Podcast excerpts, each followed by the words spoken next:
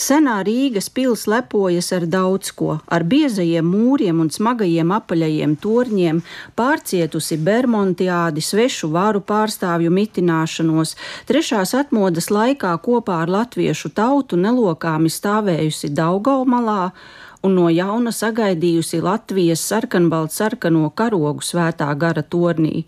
Bet vai zini, kurš ir jaunākais no Rīgas pils torņiem? Latviešu operas dziedātājs Maris Svētra ir teicis: Smagie vecie Rīgas pils mūri un abi smagie apaļie pils torņi Rīgas siluetu padara par seju. Rīgas pils nav skaista, ir nospiedīgi smaga, smagāka par zemi un akmeni, bet raksturo Rīgu. Rīgas pils ar tās torņiem gandrīz 700 gadus ir viena no tām Rīgas panorāmas dominantēm, ko pamana ik viens, skatoties uz pilsētu no Daugavas puses. Diagonāli viens otram pretīm stāv masīvie apaļie torņi, pils laukuma pusē svina tornis un Daugavas pusē apaļais svētā gara tornis Neuzkrītošāki ir mazie četrstūra torņi pils pretējos stūros, pipera tornis Daugavas pusē un ziemeļu tornis pie vecākās pils daļas. Vēl ir divi jaunāki torņi, kuri dažādos laikos piebūvēti priekšpilī.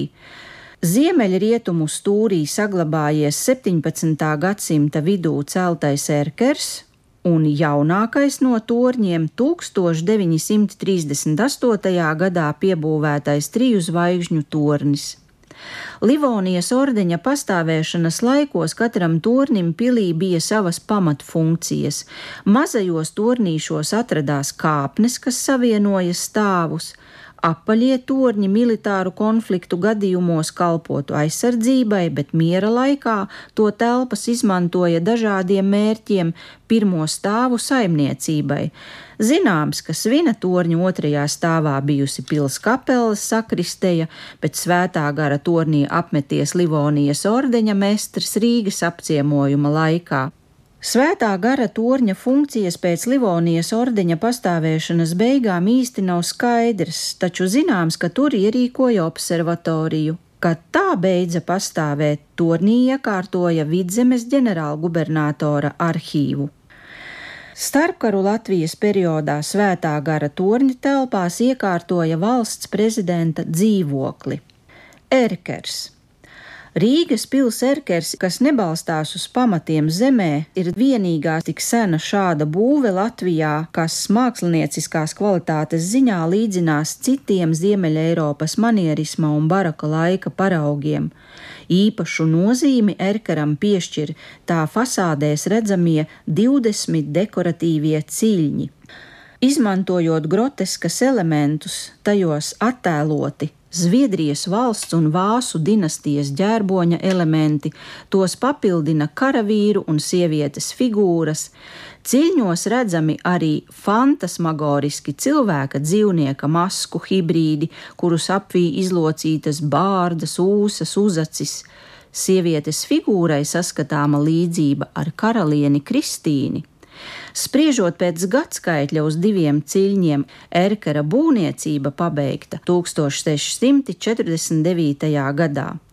Rīgas pils vēstures pētniece Māra Caune aprakstījusi leģendu, ka Erkera jumta augšējais kupols apvērstā veidā, tajā ieliekot un dedzinot malku, iespējams varēja tikt izmantots arī kā bāka kuģiem, kas brauca pa Daugavu ir atrastas ziņas, ka 18. gadsimtā tajā glabāti graudi, citos laikos erkerī izbūvētas telpas atpūtai.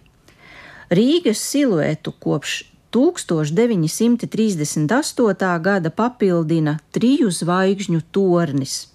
Arhitekta Ežena Laubes projektētais triju zvaigžņu tornis priekšpils ziemeļaustrumu stūrī celts pils pārbūves laikā. Tā praktiskais uzdevums bija nostiprināt nestabīlos pamatus šajā daļā, un torņa apakšdaļā iebūvētām kāpnēm bija jāved uz svētku zāli.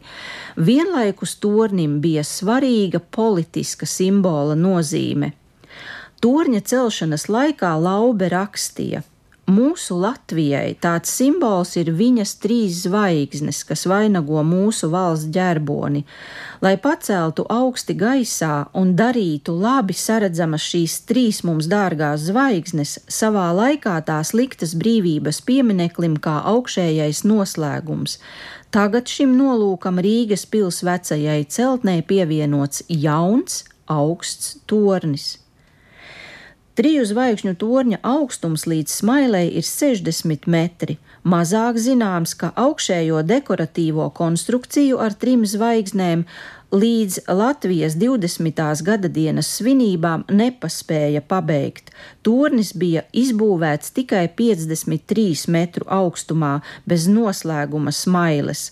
Lai panāktu uzbūvēta torņa koptēlu, tika izveidota torņa noslēguma butaforija. Virs torņa bija izveidots karkas, kura galā provizoriski tika uzlikts zvaigžņu makets. Bet kā tad ar torņa vainagojumu un zvaigznēm? Torņa būvniecību pabeidza tikai 1939. gadā, un pirmā reize, kad attēlos parādījās izgaismotais zvaigžņotais tornis, bija 1939. gada 18. novembris. Padomju okupācijas laikā 1949. gadā trīs zvaigznes no torņa smailes noņēma, un kad 1997. gadā torņa smaili atkal atjaunoja sākotnējā izskatā, tornī atgriezās arī trīs zvaigznes. Triju zvaigžņu tornis kā pils būvelements vērtēts neviennozīmīgi, pat izteikta doma, ka tas nesadara ar pārējo pils arhitektūru. Tomēr līdzīgi citām piebūvēm tornis kļuvis par neatņemamu pils sastāvdaļu.